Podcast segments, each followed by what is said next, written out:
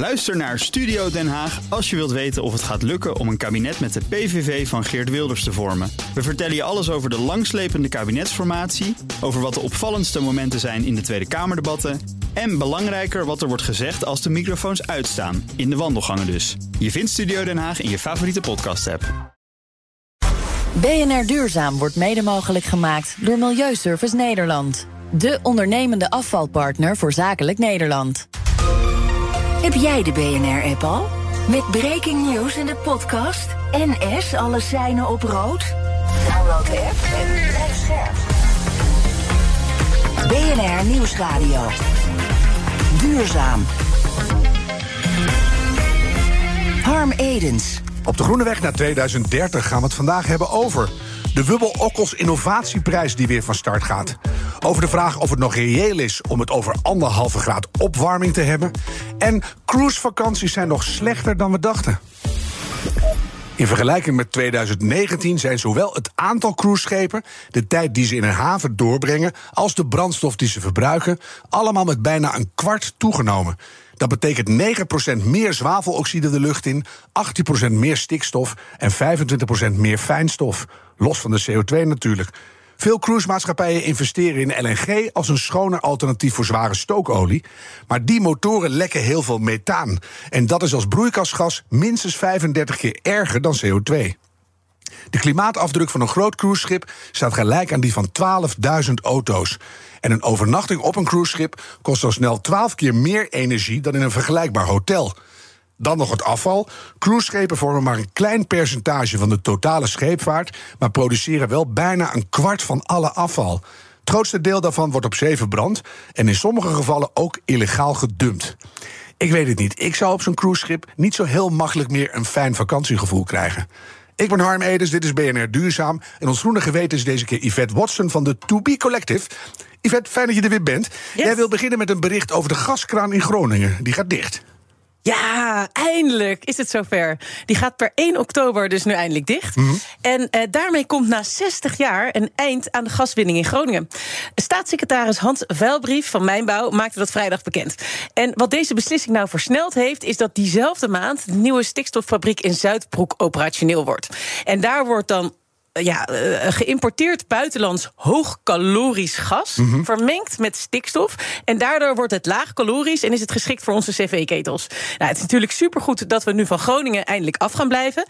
Maar uiteindelijk moeten we natuurlijk toch naar een situatie waarin we helemaal geen gas meer nodig hebben. Ja, ik hoop dat ik er dan nog ben. D- dan is het heel anders, maar het is veel leukers. De Wubbel Okkels Innovatieprijs, die gaat weer van start. Ja, daar wil ik heel graag even bij stilstaan. Want de Wubbo Okkels is een, is een absolute held. Een toonbeeld van duurzaam innova- innovatief denken. Eh, denk bijvoorbeeld aan de Nuna zonneauto, de Superbus, Kite Power, eh, het schip Ecolution, Ja. eh, bij velen ook wel bekend. En natuurlijk de Groene Grachten. En het was, ja, hij was altijd een groot fan van prijzen. Dus als teams hem vroegen om mee te denken, zei hij altijd: Ik doe met jullie mee. Als jullie maar eerst gaan nadenken over wat de succesfactoren zijn om te winnen, om de wedstrijd te winnen. Ja. ja en we willen nu die innovatiekracht van alle talent in Nederland natuurlijk gaan benutten en extra prikkelen. Dus tot 1 oktober kan iedereen zijn of haar innovatieve ideeën en oplossingen voor een duurzame planeet indienen via de website de Wubbo Okkels Innovatieprijs. Met allemaal streepjes .nl. ertussen, maar die vind je wel. Ja. Leuk is, wij zitten samen in de jury. Eh, wat Ja, eh, wat kunnen we winnen? Ja, ja, ja. Nou, dat is niet mals. Want we gaan namelijk drie prijzen uitreiken van 10.000 euro. Ja, en misschien nog wel waardevoller. Wij gaan al onze hulp en netwerk aanbieden... Ja. om ook deze eh, innovatieve ideeën echt verder te brengen. En dat helpt altijd enorm, hè? Ja, precies. Ja, absoluut. Ja, dus zet ook in je agenda 3 november tijdens de Nationale Klimaatweek. Dan organiseren we de Wubbel Okkels Innovatie Festival. En daar gaan we de winnaars bekendmaken, maar ook een onwijs gaaf programma daaromheen. Ja, dus eh, stuur in die ideeën. Ja. Dan nog even dit. Belangrijk, afgelopen week was er een kleine onofficiële klimaatconferentie in Parijs... over de financiering van klimaatverandering. Met name wat rijke landen aan arme landen gaan betalen. Is Ja. daar nog wat uitgekomen? Ja, nou toch eigenlijk wel echt wat positief nieuws. Want eh, de rijke landen hebben gezegd: we gaan nu toch echt meebetalen aan die klimaatrekening voor de arme landen. En het gaat maar liefst om een bedrag van 100. Nee, van 1000 Ja. miljard dollar. Ehm, ja, en de arme landen hebben natuurlijk relatief het meeste last van klimaatverandering. Terwijl de schuld ervan bij de meer ontwikkelde landen ligt. We hebben daar natuurlijk allemaal van geprofiteerd. Eh, dus deze compensatiebelofte eh, bestaat al heel lang. Uh, maar de conferentievoorzitter Macron heeft nu opnieuw beloofd dat, dat dat geld echter gaat komen. Dus ik hoop het. Ik ben ook wel een klein beetje sceptisch, maar ja, uh, eerst zien dan geloven. Ja, oftewel eerst betalen, dan juichen. Yes. BNR Duurzaam. Kunnen we de opwarming van de aarde nog binnen die anderhalve graad houden? Daar lijkt het inmiddels niet meer op. En dan komen we automatisch op de vraag: wat dan wel? Hoe gaan we ons aanpassen? Bart van der Hurk is van Deltaris. De regering heeft hem onlangs voorgedragen als nieuwe co-voorzitter van een belangrijke groep binnen het IPCC, het klimaatpanel van de Verenigde Naties. Uh, Bart, op afstand welkom. Dankjewel, uh, goedemiddag. Ja, op afstand. Ik zit op een camping in Frankrijk. Oh, hij wel. Prachtig uitzicht. Uh, ja, ik wel, ja. Ja, heerlijk. Nou, geniet ervan. Fijn in de zomer toch... ben ik weer aan het werk. Ja, fijn dat je toch even in onze show kunt zijn. Jij bent voorgedragen als medevoorzitter van Werkgroep 2. Wat, wat doet Werkgroep 2? Ja, werkgroep 2 is een van de drie grote werkgroepen van IPCC. En die, uh, ja, die richten zich op het verzamelen van alle literatuur die er is verzameld uh, over het, uh, ja, inderdaad de aanpassing van klimaatverandering. Ook de gevolgen van klimaatverandering worden in werkgroep 2 uh, uh, zeg maar beschreven. Maar, maar eigenlijk ook wel heel belangrijk, ook de oplossingsrichtingen mm -hmm. om je aan, aan, aan, aan, klimaatverandering aan te passen, is echt een werk op twee onderwerpen. En ook zo'n zo'n uh, zo'n financieringsfonds, wat, zoals net het uh, werd even in de nieuwsflits even werd gezegd, hè, dat de rijke landen mee moeten gaan betalen aan de arme landen. Mm -hmm. Dat is nou typisch materiaal wat je in zo'n werk op twee helemaal uh, uitgespit ziet gaan worden. Ja, het woord wat er altijd bij hoort is adaptatie. Volgende maand is de stemming. Tijdens de ledenvergadering. Wordt dat een uh, 1 2 klaar, Bart Wortst? Nee, zeker niet. Um, er is uh, per, uh, per werkgroep, er zijn drie grote werkgroepen. En per werkgroep worden er twee co-voorzitters uh, voorgedragen. of worden er benoemd. En er zijn er inmiddels voor werkgroep 3 zijn er, of voor werkgroep 2 zijn er inmiddels al drie voorgedragen. Dus mm. er wordt nog echt gekozen. Maar ik heb ook wel eens in de notulen van de vorige edities begrepen dat er ter plaatse nog kandidaten naar voren kunnen worden geschoven. En uh, dus het is echt, uh, echt pas na, de, na die vergadering weten we zeker of, het, uh, of ik inderdaad die, die rol kan gaan vervullen. Nou, het blijft spannend, maar misschien dat wij dan even een kleine bijdrage kunnen leveren. Ladies and gentlemen of the IPCC, Bart is your absolute best candidate. Jij schreef al mee aan eerdere rapporten van het IPCC, Bart. Hoe komen die publicaties tot stand? Dat is voor ons wel eens leuk om te weten. Ben je daar dan elke week mee bezig, jaar in jaar uit? Of één keer in de zoveel tijd een vergadering? Hoe werkt dat? Ja, het is, het is een cyclus van echt meerdere jaren. Ik werd in 2017, geloof ik, uh, door, ook door de Nederlandse uh, regering, of door, eigenlijk het focal point van IPCC. Elk land heeft een focal point en die verzamelen eigenlijk de auteurs van zo'n rapport. Mm -hmm. en, uh, nou, en, en, en, Nederland had toen voor een van die werkgroepen hadden ze ja, een, stuk of 15 IPCC-auteurs voorgedragen die uiteindelijk mee gaan schrijven. Ja, en zo'n zo'n rapport dat komt in, dat, dat duurt een jaar of vier, vijf voordat het er helemaal is. Dus je zit eigenlijk ook als, als, als co-auteur. Ik heb ook een baan ernaast. Ik ben niet 100% bezig met dat IPCC als co-auteur. Uh, nee. Het gaat echt een beetje in sprints. Dus af en toe dan ligt er weer een deadline om een nieuwe versie op te leveren. die dan uh, eerst op een vergadering wordt uh, besproken van de auteurs. En vervolgens wordt die versie uh, in het publiek uitgezet voor externe reviews. Nou, dan kun je eigenlijk weer een paar maanden wachten. Maar dan begint er weer een nieuwe sprint. Want dan moeten alle reviews die moeten worden verzameld en verwerkt. En ook becommentarieerd. Elke review-commentaar wat binnenkomt, uh, wordt zeg maar met. Uh, er wordt precies aangegeven wat ermee gedaan is. Ja.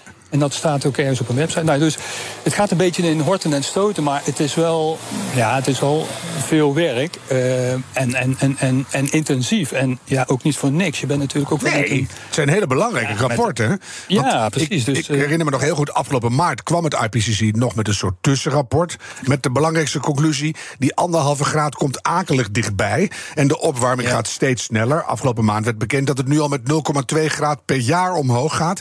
Is er nog ja. een sprankje hoop wat jou betreft dat we nog binnen die anderhalve graad blijven?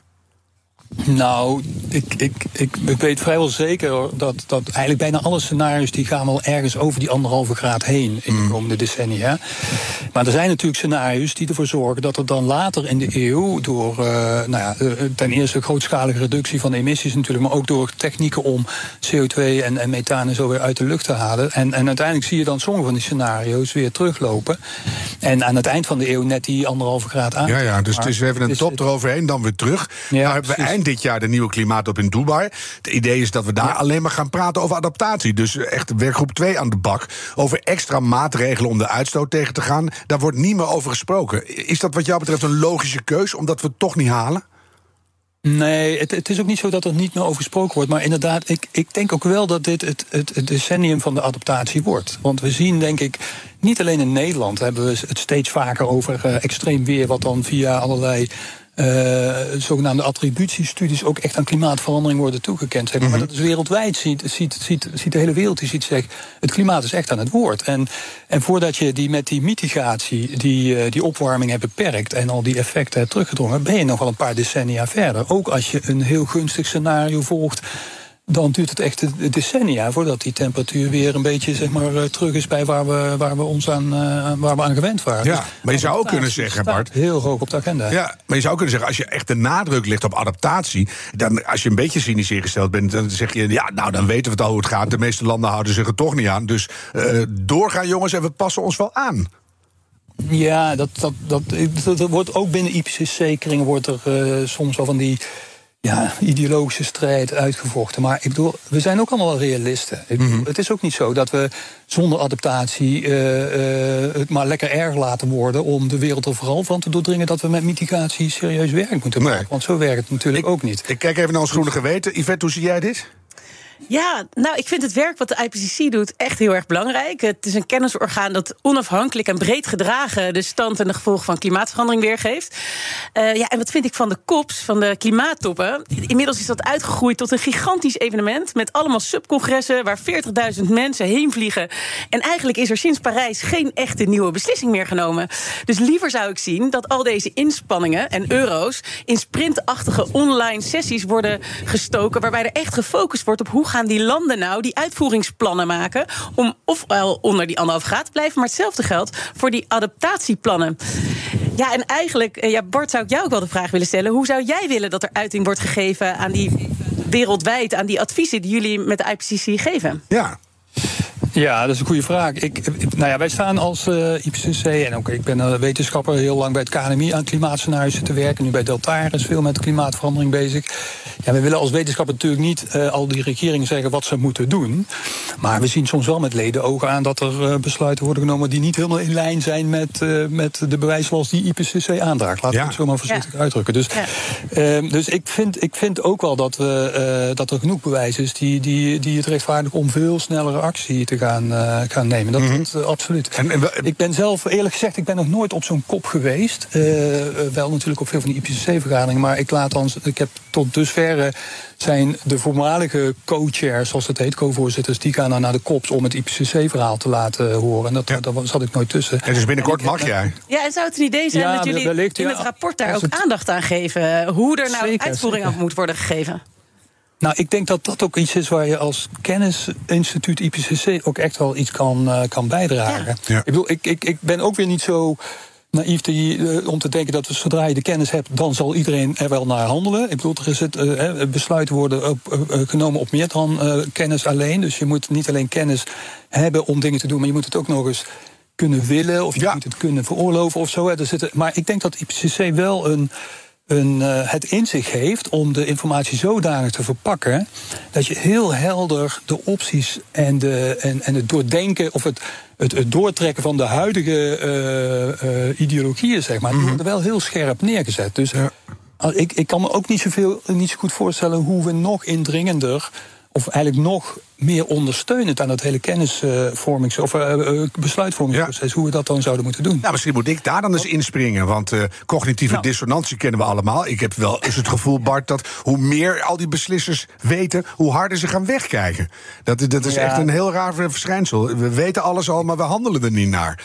Ik las bijvoorbeeld in een interview met jou, dat vond ik wel heel goed. Daarin zei jij, de focus ligt op dit moment veel te veel op het beperken van CO2. Kan je dat nog een keer uitleggen? Wat bedoelde je daar precies mee? Nou, het beperken van de CO2-emissies van de mm uitstoot. En ik, ik, ik, denk zelf echt dat als je echt verder wil met deze planeet en met die uitstoot, dan moet je ook naar minder uitstoot. Je moet ook naar minder uh, het gedrag wat, je, wat, wat uitstoot veroorzaakt. Daar moet je echt ook wel over nadenken. Dat is niet alleen maar een andere vorm van energie, of, of laat staan een andere vorm van fossiele energie. We schakelen allemaal massaal over van kolen op gas. Maar ja, dat, dat zet natuurlijk geen zoden aan de tijd. Je wil uiteindelijk uh, ook niet alleen maar uh, van, van, uh, van fossiel gestookte auto's naar elektrische auto's. Want ja, je blijft gewoon met heel veel auto's zitten die heel veel energie kosten bij het maken. Die, waar de, heel veel van de energie die ze gebruiken wordt nog steeds fossiel opgewekt. Ja. Dus ik denk, ja, als je niet ook nadenkt over minder verkeer. Het moet minder, En dan zeg ik ook meteen maar minder zwembaden in de tuin. Geen SUV's op de oprijlaan. Niet met het vliegtuig naar Spanje. Maar hoe komen we daar, Bart? Want mensen hebben het idee dat ze als ze hun welvaart moeten opgeven... dat vertikken ze en dan gaan ze met kop in de zand zitten.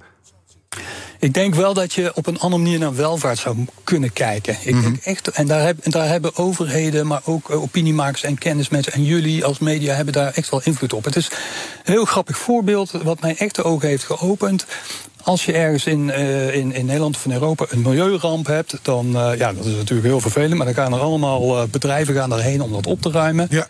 En het gekke is dat dat dan uiteindelijk een positieve bijdrage levert aan het bruto nationaal product. Want die bedrijven hebben namelijk omzet gedaan. Ja, dat is zo. Ja. En het leuke dat is. is natuurlijk een rare manier van welvaart. ja, maar je, je, noemt wel het cruciale woord, denk ik. Want Jan Terlouw zei twee maanden geleden tegen me: Het enige wat gaan helpen zijn een paar flinke mondiale rampen.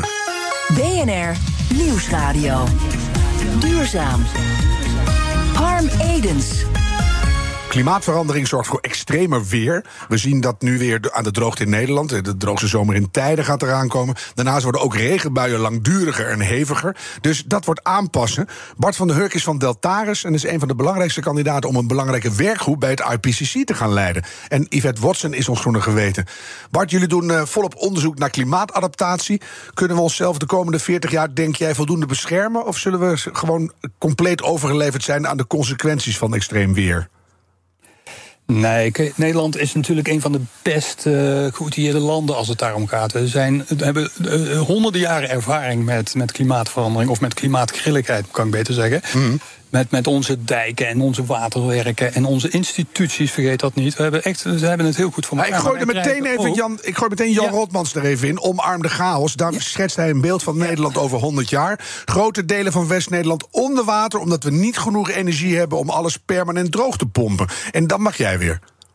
Ja, dat is een, dat is een lekkere. Ja. Ik, ik denk echt, dat, weet je, en dat is ook het, het wezen van klimaatverandering als wij, uh, als, zeg maar, 700, 800 jaar geleden kwamen er, eh, kwamen er stammen naar Nederland. en die gingen eens kijken waar zullen we die, die, die dorpjes eens bouwen. en later ja. werden dat steden en zo.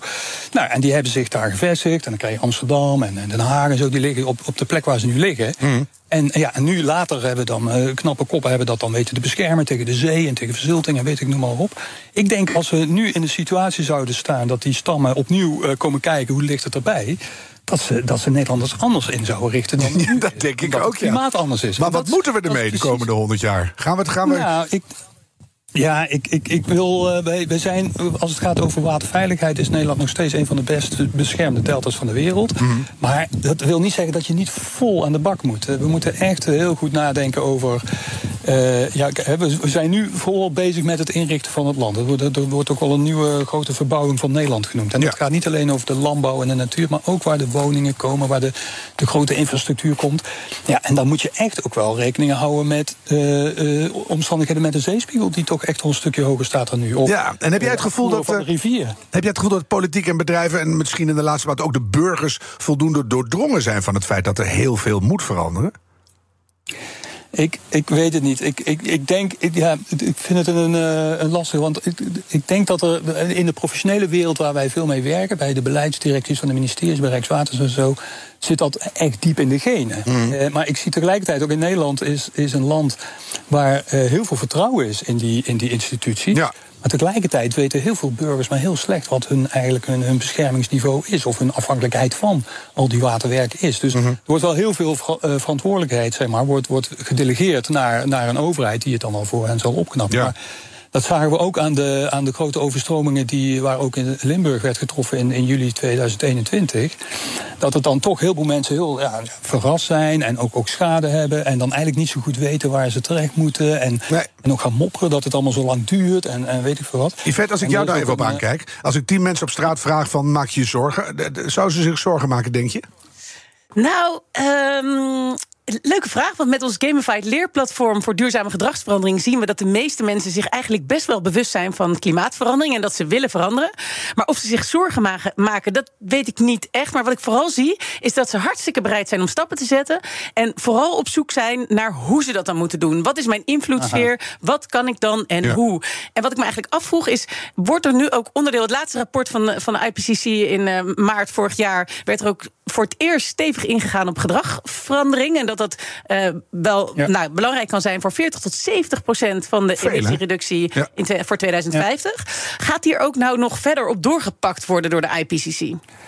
Ja, zeker. En, en gedrag heeft te maken met inderdaad die emissiereducties, maar ook voor waar, hoe mensen zich uiteindelijk weerbaar maken. Mhm. Ons watergebruik is, is natuurlijk ook een vorm van gedrag. Of, of waar we gaan wonen, of we onszelf beschermen. Uh, maar ook wat we eten, uh, waar we het vandaan laten komen, welke spullen we kopen. Ik bedoel, er is heel veel klimaatverandering buiten Europa die ons raakt, omdat er allerlei uh, voedselketens worden onderbroken of productieketens worden onderbroken. Ga zo maar door. Hoe, meer, uh, hoe duidelijker dat wordt, hoe beter het is. Hè? Dus jullie gaan hier ook echt nog verder op rapporteren? Zeker. Dat is bij deze afgesproken, Bart van der Hurk van Deltaris. En ik hoop ook echt van het IPCC. Ik, ik ga je heel veel succes wensen. En ik hoop zelf heel erg dat we genoeg middelen en grondstoffen hebben om al die adaptaties te doen. Want ik vond jullie grondstoffenanalyse van de toekomst ernstig rooskleurig. Dus kijk daar nog even naar. Bart van der Hurk, dankjewel. Yvette, wat ga je meenemen naar uh, de avonddis. Nou, ik ga Bart ongelooflijk veel succes wensen met de verkiezing. Ik hoop dat je het wordt en dat we uh, in de rapportage van werkgroep 2 ook adviezen mee gaan nemen over hoe de landen hier uitvoering aan kunnen geven. Ja, en ik hoop dat Bart stiekem denkt van, goh, hoe gaan we dat verhaal beter die samenleving inbrengen? Yes. Dat hij dan gewoon ons gaat vragen om te helpen.